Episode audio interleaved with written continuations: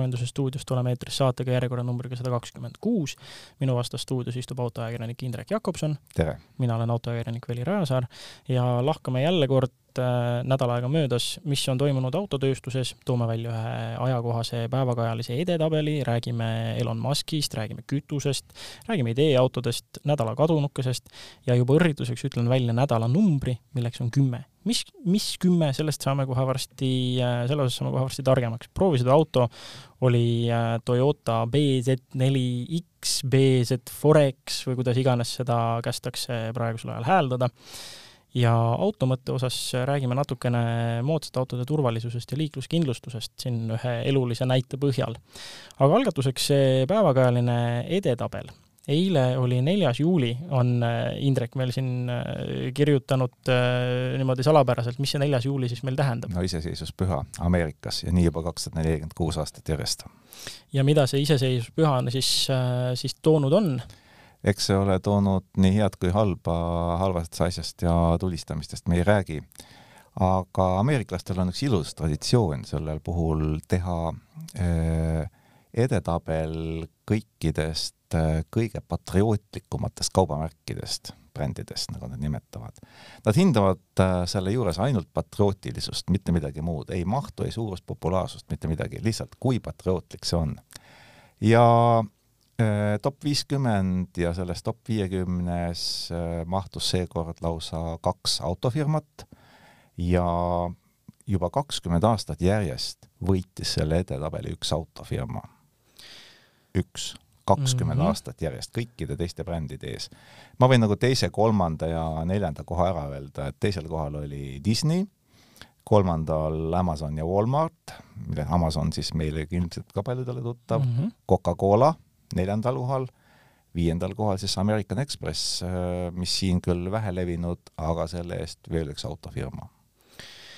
Aga selle pakkumise osas, vot ongi see, kui ma oleks sellest edetabelist varem midagi kuulnud olnud, siis ma kohe kindlasti teaksin, kes see kakskümmend aastat jutti selle kinni on pannud, aga noh, kui mõelda siin ameeriklastele ja patriootlikkusele, mis ette tulevad, on ju kotkad äh,, pommituslennukid, mõne, mõne äärmiselt ohtliku Lähis-Ida riigi kohal ähm, ja Ford Mustang. nii et see oleks minu pakkunud, kui, kui nüüd bränd, kas siis ühe korraga Ford või siis brändina ka Ford Mustang, et see oleks kusjuures minu number ühele kandidaat. said päris ligidale. Äh, Ford sai viienda koha mitte Mustang brändina Ford, eks ole, Mustang mm -hmm. mudelina Mustangit eraldi välja toodud. jah, vot jah, ongi osad edetabel tahavad veel mingisugused eriti spetsiifilised, et bränd, et noh, Mustang praeguseks on ka juba nii nagu sihuke Mustang on jah juba no. eraldi brändiks ja, tehtud, aga noh, eh, ta ei ole nüüd nii suur, et aga jah, viies koht Fordile ja esikohal Jeep. hoopis niimoodi? Eh, põhjendatakse sellega, et tema ajalugu pärineb siis teisest maailmasõjast, ikkagi selline, kuidas nüüd öelda, mitte ainult maasturlikkust, vaid ka riigikaitselist võimet, ehk siis jaa, no ta on loogiline ikkagi jah, jah, jah. isegi, tulevad isegi ette pildid džiipidest koos Ameerika lipuga, nii et noh, see on jah, nagu kus ikka veetakse üle lahinguvälja lippu ja nii edasi, et kõik see nagu niisugune patriootlikkus, patriootlikkus on seal kindlasti olemas. no paganas, aga vähemasti väga mööda ei pannud. mis seal edetabelis veel siis põnevat on? sellega kõige põnevam on see, et äh, tegelikult Ameerika, mis on ju riik, ratastel ja kus autotööstusel on äärmiselt suur osatähtsus, siis noh, viiekümnest ainult kaks on minu meelest esiteks hämmastavalt vähe. ja eelmisel aastal oli seal üks teine autotootja veel ja see oli Tesla kolmekümnendal kohal sel aastal kukkus uuesti ma kusjuures seda, selle ma oleks ära arvanud veel. et ei, ei olnud piisavalt patriootlik. jah, ja no nad on jah, siin selle oma lähenemisega ja suure suunamisega sinna Hiina turule, ma arvan, et nii mõnigi ei pea neid enam väga puhtpatriootlikuks, pole midagi teha. no aga kui arvestada, et suured tehased ongi neil juba pool välismaal, siis äh, kus see patriootlikkus jääb? jaa, just, just. aga noh, äh, eht ameerikaliku näitena leiab sellest tabelist ju veel ka Harley Davidsoni. Jah, kahekümnendal kohal mootorrattatootjana, no ei ole päris auto, aga ikkagi midagi eht ameerikalikku, pläriseb, suitseb, aga ja liigub. ei ole kõige, ei ole kõige moodsam, aga, aga jah, aga noh, Harley Davidsonidest ja plärisemisest rääkides tuleb tulla nüüd kütuse juurde. meil on, ma, ma juba ei tea, kui mitu nädalat järjest see kütuserubriik ikkagi raudpolt saates, et sel korral vist on niimoodi rindele muutusteta suhteliselt, et hinnad on püsinud sealt suti üle kahe juures kui sõitsin siia, vaatasin ka posti otsa loomulikult ja ega seal enam suuri muudatusi ei olnud pikka aega, et ikka kaks kaksteist on E üheksakümmend viis ja kaks seitseteist üheksakümmend kaheksa diiselkütusest küsitakse täpselt kaks eurot, et et kui me eelmises saates rääkisime, et Ameerikas käisid need hinnad kaks tuhat kaheksa väga kiiresti üles-alla, siis noh, loodame sama. ja tegelikult miks me seda nagu loodame, on see, et äh, meie kütusemüüjad on öelnud oma esimese poolaasta tulemuse ammu välja, et juuni esimeses pooles kütuse tarbimine langes kümme protsenti ja see on juba päris suur number võrreldes eelmise aastaga. Järgmiseks saateks on meil käes kogu juuni tarbimine, no ei ole nagu näha, et see võiks nagu mullusega võrreldes midagi positiivset ja no tõenäoliselt ta veel langeb, sest puhkuste periood, ma kahtlustan lihtsalt, et see puhkuste periood nüüd, kui ikkagi kontakti ja tööl käimist ja kõike on rohkem, et siis pigem võiks eeldada, et see, et puhkusele sõidetakse, ei tähenda suuremat kütusekulu, et sa sõidad ühte kohta ja passid seal. Väga võimalik ja teine asi, mida kindlasti järgmises saates tahaks nagu juba kommenteerida, on see, et kuidas lätlased oma hinnad nüüd selle äh, biokütuse lisandist loobumisega kooskõlla on viinud. aga mul on nagu selle peale küsimus, et kas sina oled oma kütuse tarbimist kuidagi muutnud selle noh, ütleme siis viimaste kuude jooksul?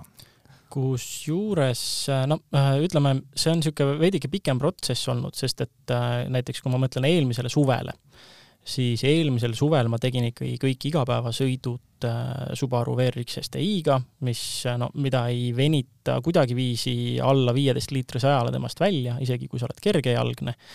Ja noh, ja, ja ei olnud seal nagu midagi, eelmine suvi sõitsin ja kui olid mingisugused rajapäevad ja võistlusasjad, siis ma sõitsin oma MR2-ga, onju.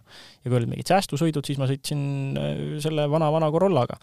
aga, aga üldiselt oli ikka see, et ei olnud nagu kurb selle Subaruga sõita nüüd see suvi mul on kogu suve põhimõtteliselt, välja arvatud töökojas, töökotta ja töökojas tagasi liigutamiseks on Subaru seisnud ja ma olen ka kõiki oma suviseid igapäevasõite MR2-ga teinud, sest see võtab vähem kütust. Ja isegi sel, selle juures ma mõtlen oma sõite ikkagi natuke vist rohkem läbi, et äh, või siis, äh, või siis tangin enam-vähem nii, et ma kestaksin taga nädala ära, mitte ei lase kohe jälle täis, on ju, et noh, kes teab, mis kütuse hind teeb, äkki läheb alla hoopiski, äkki mõned eurod hoiab väga olulisteks asjadeks kokku et natukene ma nagu rohkem mõtlen selle peale, aga mingeid ütleme olulisi elukorralduslikke muudatusi ma ikkagi teinud ei ole.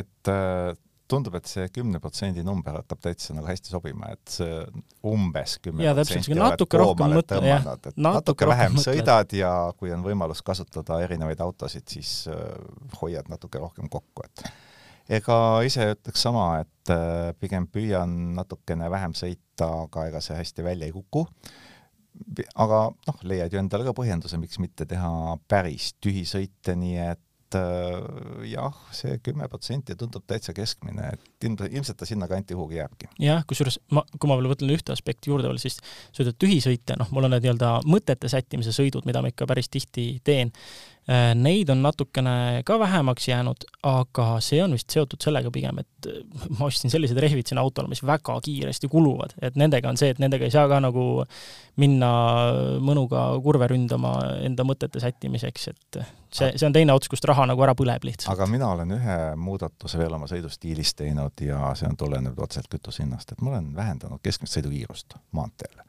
ja see on, see annab kütusepaagis väga kiirelt tunda. jah, seal on suur efekt, see on sama nagu noh, elektriautodel on see veel võimendatud, on ju, aga, aga seda on ka näha, et tõesti, kui kui lasta pluss kümme üle kepsu järgi isegi versus see, et sa ei lase või juba see viiekilomeetrinegi kiiruse vahe pikal maanteesõidul tegelikult, tegelikult äh, näitab äh, seal paagis seda säästu päris korralikult aga siin säästust rääkides äh, läheme järgmise keskkonnasäästu teemade juurde, et äh, paar saadet järjest on ka Fit for 55-ist äh, juttu olnud, siis ütleme kliimapaketist, kliimaprogrammist, mille üle on tuliselt vaieldud.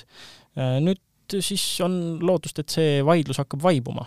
no kindlasti mitte päris vaibuma, sest võime öelda, et Euroopas tõmbas õhu veidi puhkamaks vähemalt ühed etappvaidlusi sai jälle ära vaieldud ja nüüd siis äh, lähevad kõik parlamentäärid ja ministrid suvepuhkustele, et no mis me sealt äh, kaasa võtame nendest äh, kevadistest, kevadsuvistest vaidlustest, et kõigepealt see, et aastal kaks tuhat kolmkümmend viis ikka vist suure tõenäosusega need sisepõlemismootoritega autode müük lõpeb Euroopas. et äh, lihtsalt taustaks, et rääkisime ju talvel sellest, et Itaalia tahab omale niinimetatud Ferrari erandit. Ja Itaalia poliitikud käisidki nuiamas, keskkonnaminister käis seda kõvahäälselt äh, tahtmas, aga saadeti ta loomulikult tagasi sinna, kust ta tuli, sest äh, no ta küll ei nuianud seda erandit Lamborghinile ega Maseratile, kes on ka ju kaks Itaalia suurt tootjat, aga öeldi talle vastuseks, et äh, kuigi need autod sõidavad vähe ja akutehnoloogia arendamine nõuab aega, siis äh, võrdsus peab olema ja mingisugust erandite tegemist ja rikkad ei saa olla võrdsemad kui teised.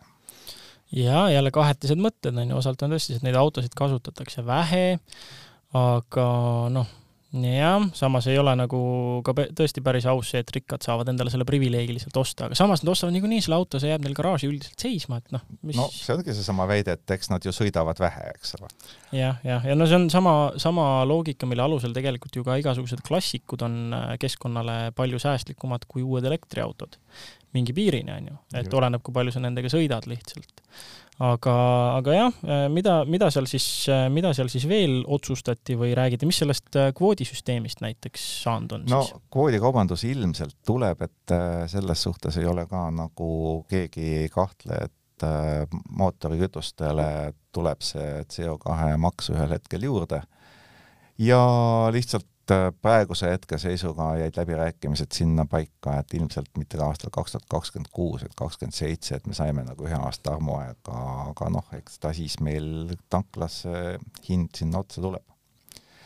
ja mis võib olla veel kolmas nagu selline tehnoloogiline pool on see, et kaks tuhat kakskümmend kuus otsustati, et tuleb üle vaadata kõik pistikhübriide puudutavad siis regulatsioonid ja meetodid, et noh, tegelikult meile see ei pruugi üldse hea uudis olla, et et äh, kuna ministrid arvasid, et niikuinii vaadatakse arengud üle ja eesmärke ja siis noh, väga diplomaatiliselt sõnastatult, et võttes arvesse tehnoloogilist arengut ja sealhulgas hübriidtehnoloogiate osas, äh, kriitikud on saistanud, et see ei tähenda mitte midagi muud kui seda, et pistikhübriididele pannaksegi päris nende ehtne kütusekulu, sest äh, oleme siin isegi rääkinud, et ega väga ei viitsi laadida, kui just äh, suurt motivatsiooni taga ei ole. jah, ja just need mingisugused alla kahe liitrise ajale kulud saab ikkagi kätte siis, kui sul on täis aku, on ju. jah, täis aku ja sa laed seda akut äh, regulaarselt, iga päev teed lühikesi sõite ja kõike taolist, et selles mõttes äh, pistikhübriidid ilmselt jäävad äh, noh, muud õnnetust ei ole midagi, nad jäävad maksu alla ja seetõttu teeb nende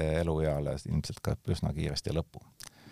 ja noh, viimase asjana lihtsalt, äh, kuna meie poliitikud on ikka tsiteerinud, et kes kõige rohkem kannatavad kogu selles loos, on maal elav autokasutajast üksikvana inimene, et siis äh, pandi paika ka sotsiaalne kliimafond, vähemalt selle põhimõtted, et sinna raha pannakse siis viiskümmend üheksa miljardit eurot, noh, mida see, no see umbes poolteist Twitterit. noh, nagu see rahaühik, nagu ta praegu, praegu võib on, on ju. et äh, see sai paika üldpõhimõtetes vaestele riikidele, vaestele inimestele, aga üldiselt rohkem muidugi teada ei ole, et kuidas see tegelikult rakendama hakatakse, neid mõjusid nojah, nii et ühesõnaga see kaks tuhat kolmkümmend viis ikkagi, ikkagi paistab jõus ja noh, siis uute sisepõlemismootoriga autode müük muidugi, et noh, jah, sinna on muidugi natuke aega, aga autotööstuse mõistes on see väga lühike aeg samas. eks sellest see pahameel on, aga Euroopas on väga selge seisukoht, et auto keskmine eluiga on viisteist aastat ja kuna kaks tuhat viiskümmend peab olema täiesti heitmevaba Euroopa, siis kaks tuhat kolmekümne viiest keegi taganema ei ole nõus ja samas on nagu see, et kui siin rääkida autoinseneridega, see viisteist aastat on niisugune ilus jutt, aga see mm, uue automudeli äh, planeeritud, noh, mis ta siis võiks eesti keeles olla, planned obsolence, planeeritud lagunemine nii-öelda. Nad on planeeritud kestma umbes või projekteeritud kestma umbes sada viiskümmend tuhat kilomeetrit, on ju. et see, noh, see on nagu natuke vastuolus sellega, no see on jälle see tööstuse nagu teine pool, millest, äh, millest äh, paljud ei taha, ei taha paraku rääkida aga, aga jah, noh, mis teha, eks me peame harjuma, mis meil siin väikestel mutrikestel ikka teha. no lepime sellega, et äh, eks praegu ju parlament hääletas ja keskkonnaministrid sõlmisid kokkuleppe, see ei ole lõplik, et äh, nüüd tegelikult ju ametiga läbirääkimised alles algavad, aga noh, peame silmas pidama, et kuna parlament on keskkonnaküsimustes üldiselt väga nõudlik institutsioon kui liikmesriikide valitsused, nii et ega seal midagi suuri muudatusi sisepõlemismootorite kasuks nagu oodata ei ole. jah, ja kes selle üle kindlasti väga õnnelik on, on onu Elon, eelmine saade rääkisime sellest, et äh, Elon Musk äh, on Twitteri pausil pikalt olnud, et kas sellel siis isiklikud põhjused seoses tütrega või kuidas see kõik oli, aga nüüd ta on siis ikkagi vaikuse murdnud, ei tea, kas see on heade uudiste peale Euroopa Parlamendist? no vaevalt, pigem on see, et on olukordi, mida ei saa jätta tweetimata. Ja siit tuleb meie nädala number, milleks on kümme täpselt kümme päeva ehk siis kahekümne esimesest juunist esimese juulini suutis onu Elon ilma tweetimata olla, et päris pikk aeg. kõlab nagu mingit sorti kihlvedu võib-olla või mingisugune kokkulepe kellegagi või äh, ultimaatum. kus on väga huvitav, et spekulatsioone sellel teemal on hästi palju, et mis see põhjus võis olla ja keegi ei ole siiamaani isegi mitte tweetinud, ammugi mitte ametlikku seisukohta avaldanud aga miks ta siis eh, enam vait ei saanud olla, on see, et ta käis Rooma paavstil külas eh, ja tal oli kaasas oma neli poega, kellest muide kolm on kolmikud. tootlik. ja, ja noh, see on eh, sündmus, millest lihtsalt nagu pidi tweetima. Twitteri tsölibaat on murtud. no selge, kümme päeva, siis teame, et kui, kui kaua umbes vastu peab onu Elon. aga vaatame, kiikame börsi poole ka no börsi poole on kohe näha, et Tesla ju üks esimesi, kes tulemustega välja tuli, siis äh, Need olid üsna täpselt äh, ootustele vastavad, aga ime natuke jäi alla, et äh, tegi siis äh, teises kvartalis kakssada viiskümmend kaheksa tuhat autot, andis klientidele umbes kakssada viiskümmend neli tuhat üle ja nendest omakorda ligi kakssada nelikümmend kaks tuhat olid siis Model kolm ja Model Y, nii et S ja X on selles mudeli perekonnas ikka juba väga väikesed et, et noh, üle üheksakümne protsendi julgelt tulevad ainult kahest põhimudelist kolm ja Y. ja Elon siis seda kommenteerides lubas äh, viiskümmend protsenti igal aastal edasi kasvada, nii et eks tal ole seal äh, kasvuruumi on. aga äh, kui teise kvartali numbrid olid kehvemad esimese omadest seetõttu, et Shanghai tehas teatavasti vahepeal seisis ja siis opereeris niimoodi seitsmekümne protsendi võimsusega, siis nüüd on olukord seal, et äh, Elon paneb Berliini tehase, mis alles sai avatud, paneb kaheks nädalaks seisma. ja tal pidevalt kolm probleemi, et tootmisaeg on ikkagi pikem, kui ta nagu ühe auto kohta seda ootas, oskustöölisi on vähe jätkuvalt ja kvaliteet ei ole ikka veel see, mis ta tahab. nii et äh, plaanis on päris suured äh, tööprotsessi ümberkorraldused samas äh, kõige suurem väljakutse on see, et ühest küljest on tal jätkuvalt napib inimesi, aga ta tahab viia tehase nüüd pärast neid ümberkorraldusi kahest vahetust lausa kolmega töötama, nii et äh, päris äh, suured muutused, kui need nüüd edukaks osutuvad. ja see ei ole kõik seotud sellega, et Saksamaalt tuli korraldus tagasi kutsuda kõik tema viiskümmend üheksa tuhat toodetud Model kolm ja Model Y-it turvaprobleemide tõttu täpsemini ei ole seal kirjutatud. no Tesla näitas müügitulemused ette, aga mida neil ette näidata ei ole, on mõni uus ideeauto ja palju uusi lubadusi. mida meile nüüd ideeautode osas ikkagi lubatakse?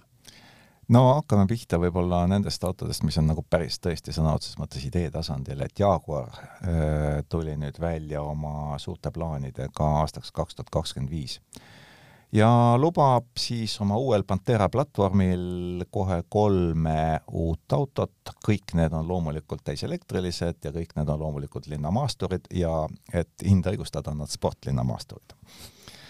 et äh, sellel platvormil, mida nad lubavad, mis on selline eristuv, võib-olla mitte nii eristuv, aga saavad olema kõik juba kaheksasaja voldise pingega äh, noh, ja lisaks lubab Jaguar sinna juurde kõike muud ühendavusi ja tänapäevast niisugust plära-lära. jah, no ühesõnaga kahe, lihtsalt vahelepõikeks siis, et kaheksasada volti arhitektuur, see kaheksasada voldine pinge tähendab kiiremat laadimist ja seda praegu sellist platvormi kasutavad näiteks äh, alustas Porsche Taycan ja loomulikult siis platvormikaaslane Audi e-tron GT ja nüüd siis juba ka Ioniq viis ja Kiia EV6 kasutavad ka kaheksasadat volti. just täpselt ja selle tulemusena Jaguar arvab, et nad võiks müüa aastas niimoodi viiskümmend, kuuskümmend tuhat autot ja otse sihivad siis Bentley turuosa, arvates, et nad on nüüd piisavalt kõvad tegijad.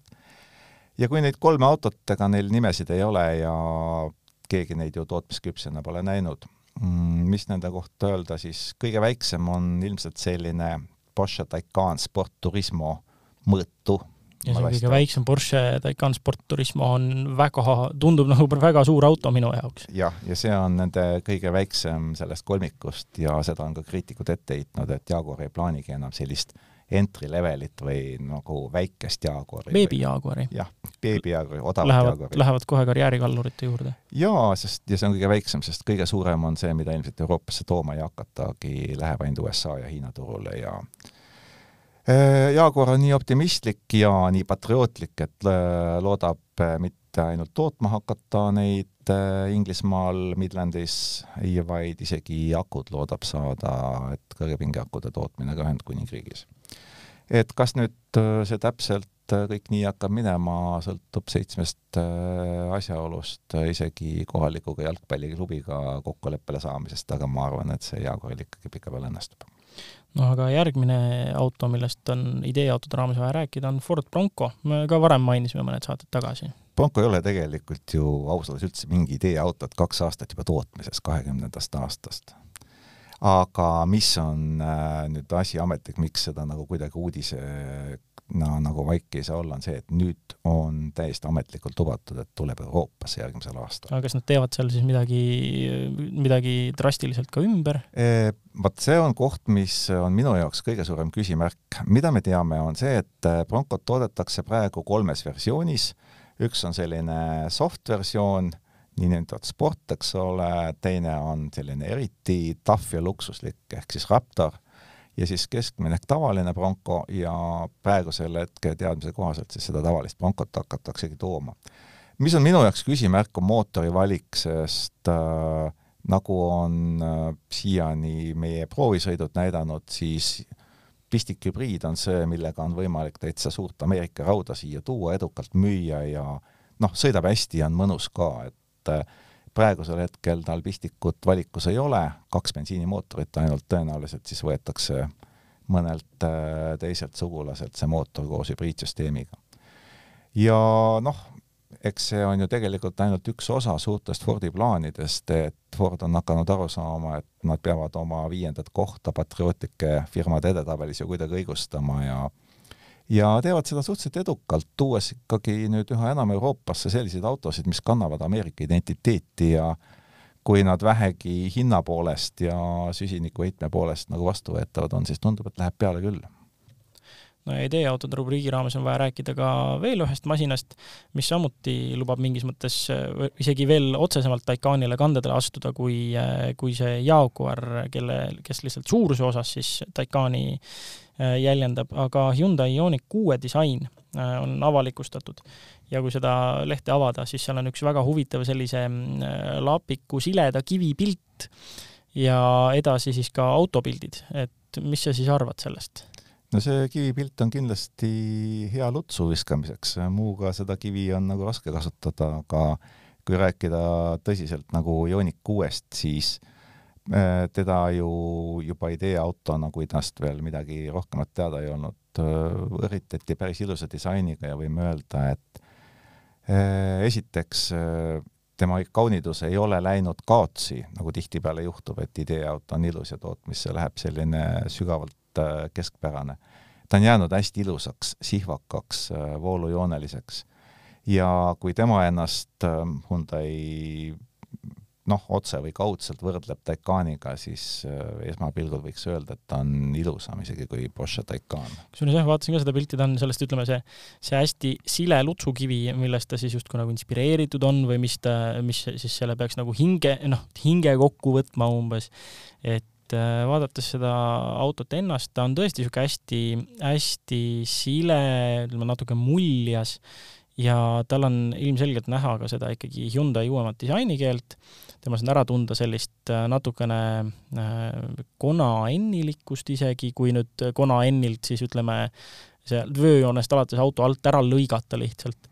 et äh, see Hyundai disainikeel on seal kindlasti olemas ja Taycanilikkus ka muidugi, jah. aga mis mulle kõige rohkem meeldib, on tegelikult see, et kui peadisaineri käest küsiti, et kas üks jäägrivanker ka tuleb täpsustuseks siis jälle, kes eelmist saadet näiteks ei ole kuulnud või äh, lugenud Acceleristas, siis jäägrivanker on selline sarkastiline keelendus ähm, shooting break kere tüübile, et äh, ei ole eesti keeles meil veel vasta, et laukpära universaal võib-olla, aga me jääme jäägrivankri juurde. ilus eestikeelne sõna, miks Just. mitte. ja sellest on ju kohe tekkisid internetti ka huvitavad joonised ja kui need peaksid mingil määral tõeks osutuma, siis äh, saab see üks kõige ilusama universaalkerega auto olema, mida üle hulga aja tehtud on. tehnilise poole pealt ei ole tast midagi rääkida, sest äh, üksainus seitsekümmend seitse kilovatt-tundi aku, kõik sellesama platvormi võimalused, mida me juba varasematelt mudelitelt teame, nii et sealt midagi uudist ei ole, esivedu, nelikvedu, kõik nii, nagu parasjagu platvorm võimaldab. järgmiseks masinaks on aga märksõna Torres. ja, ja tegu ei ole üldse mitte Hispaania brändiga, vaid tegemist on hoopis Sangyongiga. et äh, see uudis on juba päris mitu head päeva vana, et äh, Sangyong tõi välja Koreas siis oma uue natuke karmima välimusega maasturi ja pani sellele millegipärast väga euroopaliku nime ehkki Hispaania linnade, maakondade, üldse geograafiliste punktide järgi autode nimetamine on ju päris vana tava. ja noh, võib-olla täpselt sellisena see auto nagu Euroopasse ei jõua, siis Sangyong on öelnud, et elektriversioon jõuab meile ja noh, kui mingisugust äh, indikatsiooni küsida, et mis auto see on või kuida-, millega ta sarnaneb, siis tegelikult arvestades, et ta jagab platvormi meile juba tuttava Sangyong Corandoga. sellest oleme Acceleristas vist isegi mitu korda kirjutanud, ta on üsna täpselt äh, Volkswagen Tiguani Korea analoog. natukene soodsam, natukene aasiapärasem ja natukene janusem, aga muidu igati tubli selline korralik äh, pereauto. et äh, mida sellest võib järeldada, et kui korealased taipavad nüüd sellist otse Aasiale suunatud kellad vilet kulinad ära jätta, siis võib täitsa, täitsa asjalik auto olla. iseküsimus on see, et muidugi praegusel hetkel on e-Corando ehk siis Corando elektriversioon rangelt esiveoline ja kui me vaatame Torrest, mis peaks olema siis selline maastikuauto, aga kui ta jääb pooleveoliseks, siis on küll natuke nadi. aga noh, arvestades, et enamus nendest autodest niikuinii kunagi asfaldilt maha ei keera, siis pole suuremat hullu. mina siin lisaks kommentaarin, et vahelduseks ongi ongilt selline äh, ütleme, talutavam nimi, nende nimepanemisloogika on ju, ju enamasti olnud mingid sõnamängud, mis on äh, katkises inglise keeles omavahel seotud sõnad. et äh, üks hea selle näide on äh, näiteks Rodius. see, ma, ma eeldan, et sa oled pilti näinud, üks, ka üks legendaarne kole auto mina, see auto on küll rohkem eh, tuntud nimel Urodius, kes vene keelt oskab. jaa, täpselt, et eh, see auto, mis oli eh, kantud ja mõjutatud luksusjahi disainist ja näeb välja tõesti nagu luksusjahi ülaosa üritaks mingit sorti surnumatti autost välja pugeda jõuga et see, selle auto nimi näiteks pidi olema siis kokku pandud siis Road ja Zeus ehk siis äh, ülemjumal, aga noh, jällegi natukene vigaselt nad ta kokku sidusid ja see on väga mitmetes Sangyongi mudelitega nii olnud. et ühes teises podcastis oli äh, pikalt Korea autotootjatest äh, juttu Karl-Eduard Salumäega ja et tõenäoliselt äh, kui aktiivsem podcasti kuulaja siin meid kuulab, siis tõenäoliselt on ka selle saate ära kuulanud. kui ei, siis minge otsige üles autojutud ja Korea autod ja sealt äh, saate kuulata lähemalt, et mis kõik need nimeloogikad ja ja muud asjad, et see ongi, ongi niisugune väga, väga huvitav bränd. tore on näha, et hoolimata probleemidest neil ikkagi asjad liiguvad ja nad pole kuskile kadumas. küll aga, kes on kuskile kadumas, äh, mitte üldse üllatuslikult, on BMW täiselektriline mudel i3 tegu on ikkagi sellise nädala kadunukesega, millele ka järelehüüdeid on siit ja sealt loetud ja üsna positiivses võtmes. et äh, aastal kaks tuhat kolmteist äh, see auto ilmavalgust nägi lõplikult, äh, ideeautosid näidati kümnendast aastast.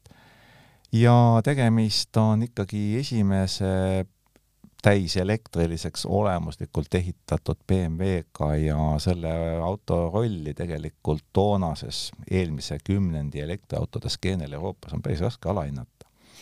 seda tehti üheksa aastaga ehk siis kolmteist kuni kakskümmend kaks, tehti täpselt kakssada viiskümmend tuhat noh, meil ei ole andmeid, kas mõni tehti salaja juurde näituse jaoks või mitte, aga BMW räägib ametlikult täpselt sellisest ilusast ümmargusest numbrist no võrdluseks, et Nissan Leaf on suutnud kümne aastaga toota viissada tuhat, nii et noh, ei ole kõige-kõige suurema tootmisnumbritega elektriauto, aga arvestades ajastut, on esiteks tegu ikkagi väga tubli tulemusega.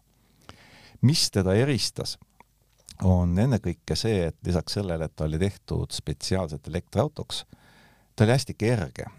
suurema akuga versioon kaalus tuhat kakssada üheksakümmend kilogrammi, et see on tänapäeva mõistes isegi elektriautode kohta noh, isegi mitte elektriautode kohta. jaa, see on kärbeskaal ikka, jaa, absoluutselt.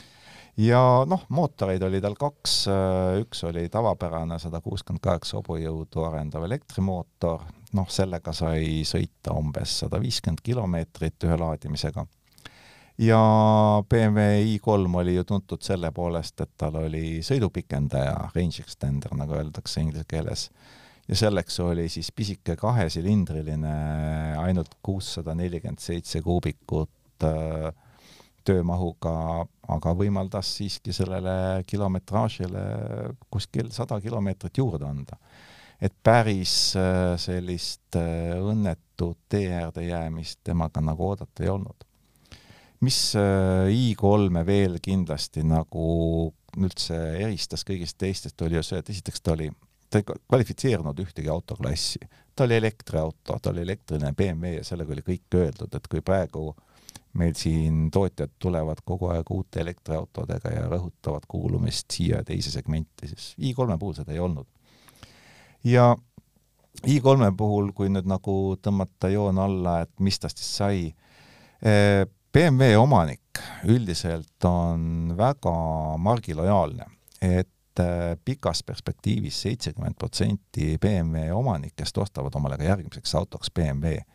ja see oli i3 puhul ainukene probleem, et äh, need, kes olid varem BMW omanikud, need kuidagi ei tahtnud rohepöördega selles võtmes kaasa minna, et nad ostaksid omale i3 inimestega rääkides, kes on i3-ga sõitnud või pidanud sõitma, noh, eriti kui arvestades, et nad äh, muidu sõidavad praegu suurte BMW-dega, siis nad ei ole väga positiivselt meelestatud, aga sellegipoolest äh, ta tõi BMW-le juurde tegelikult suure hulga selliseid uusi kasutajaid ja see oli hästi vahva ja tegelikult oli tegu ka üsna vastupidava autoga, et suurem üks tagasikutsumine oli kahekümnendal aastal turvapadjavea tõttu, aga noh, ütleme, et kellel seda poleks.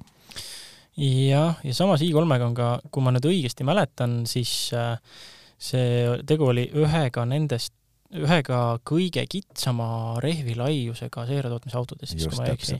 ta oli, kas see profiil oli mingi, ma nüüd peast ei mäleta, kas sada kuuskümmend viis, sada seitsekümmend, no need on ikka tõelised pitsalõikurid. jah, ja kui vaadata seda autot sõitmas, ta on äh, kõrge karikatuurselt äh, kitsad rattad selle kõrge, kõrge kaariku all, on ju. kõrge ja kitsas auto ja veel väga kitsad ja kõrged rattad samas äh, arvestades seda, et tegu on elektriautoga, aku madalal, raskuskase on madal, ja veeretakistust peab vähe olema. jaa, ei olnud kuulda probleeme, et äh, oleks nagu põdratestis ümberpaiskumist või noh, kui need hädad oleksid süsteemsed olnud, siis oleks ilmselt BMW pidanud reageerima. just, just äh,. ainuke, mis negatiivne oli, mul lihtsalt meenub ühest äh, talve elektriautode testist äh,, mis tehti, et kui uuriti, kui palju erinevatel turul saadaolevatel elektriautodel talvel sõiduulatus kukub, et siis äh, i3 oli kõige hullem selles osas, et see oli peaaegu pool sõiduulatust, mis ära hajus siis talvise kasutuse juures. kas see oli sama test, mille võitis Hyundai Kona?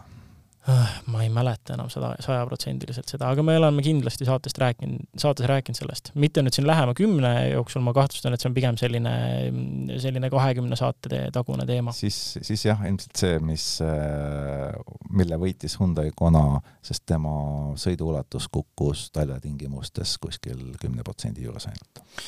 aga siit edasi läheme meie nädala proovisõidu auto juurde Accelerista lugejad on kindlasti juba näinud, Indrek on selle äh, kohusetruult juba ammu ära kirjutanud, see on meil üleval.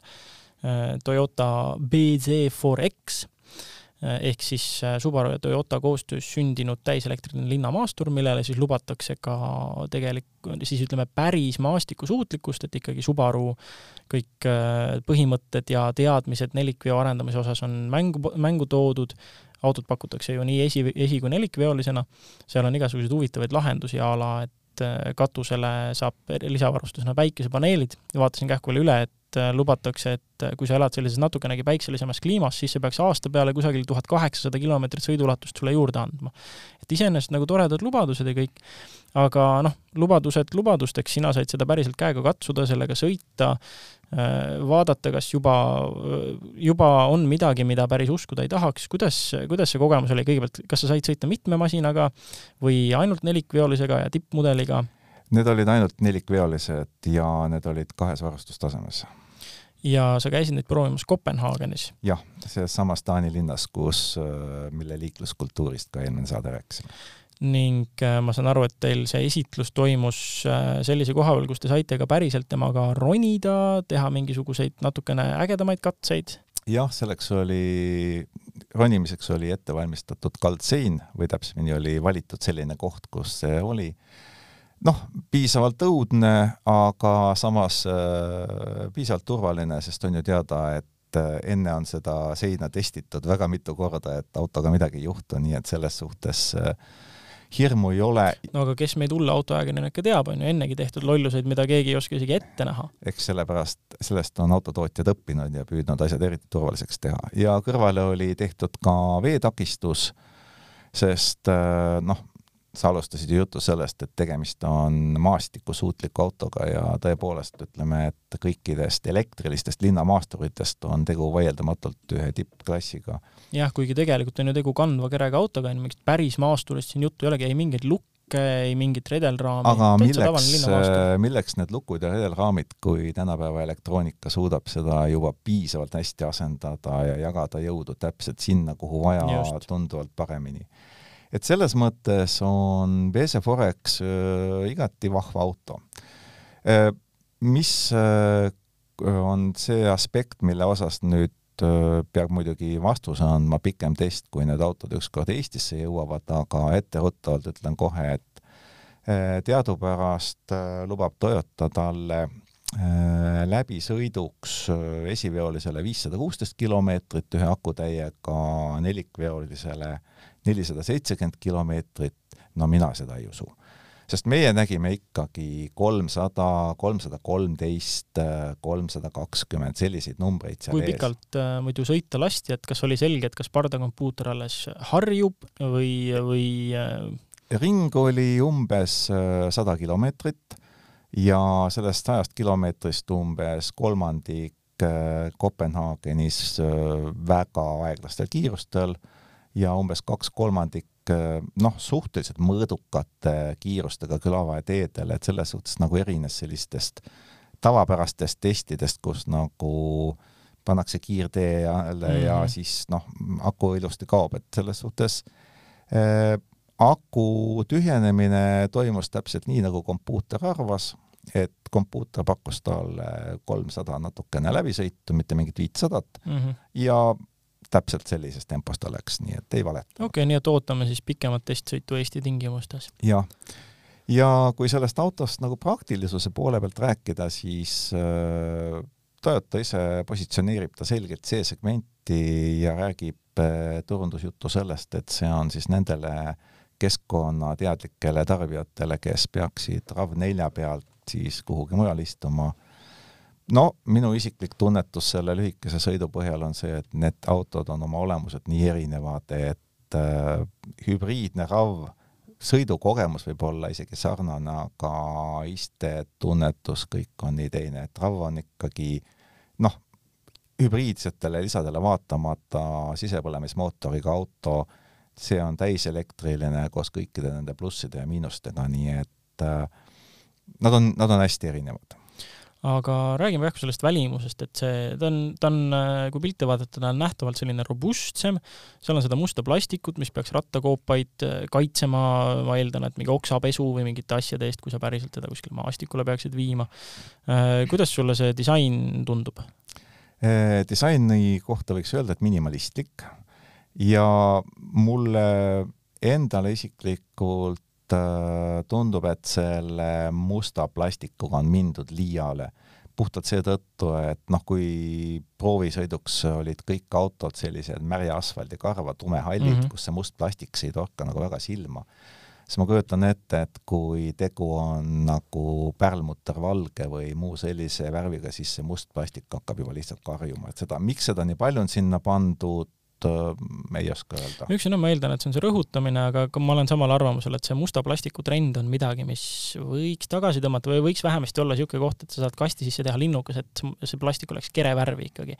või vähemalt nagu isegi kui ei saa mingit mis iganes pärlad, spetsvärvi või mida iganes, et oleks enam-vähem nagu sama toon, et niimoodi silma ei karjuks. et näiteks noh, uus Subaru WRX on see auto, millel ka samamoodi seda plastikut ei saa värvilisena ja järelturul on juba tehtud äh, kerevärvi neid ja palju parem näeb välja.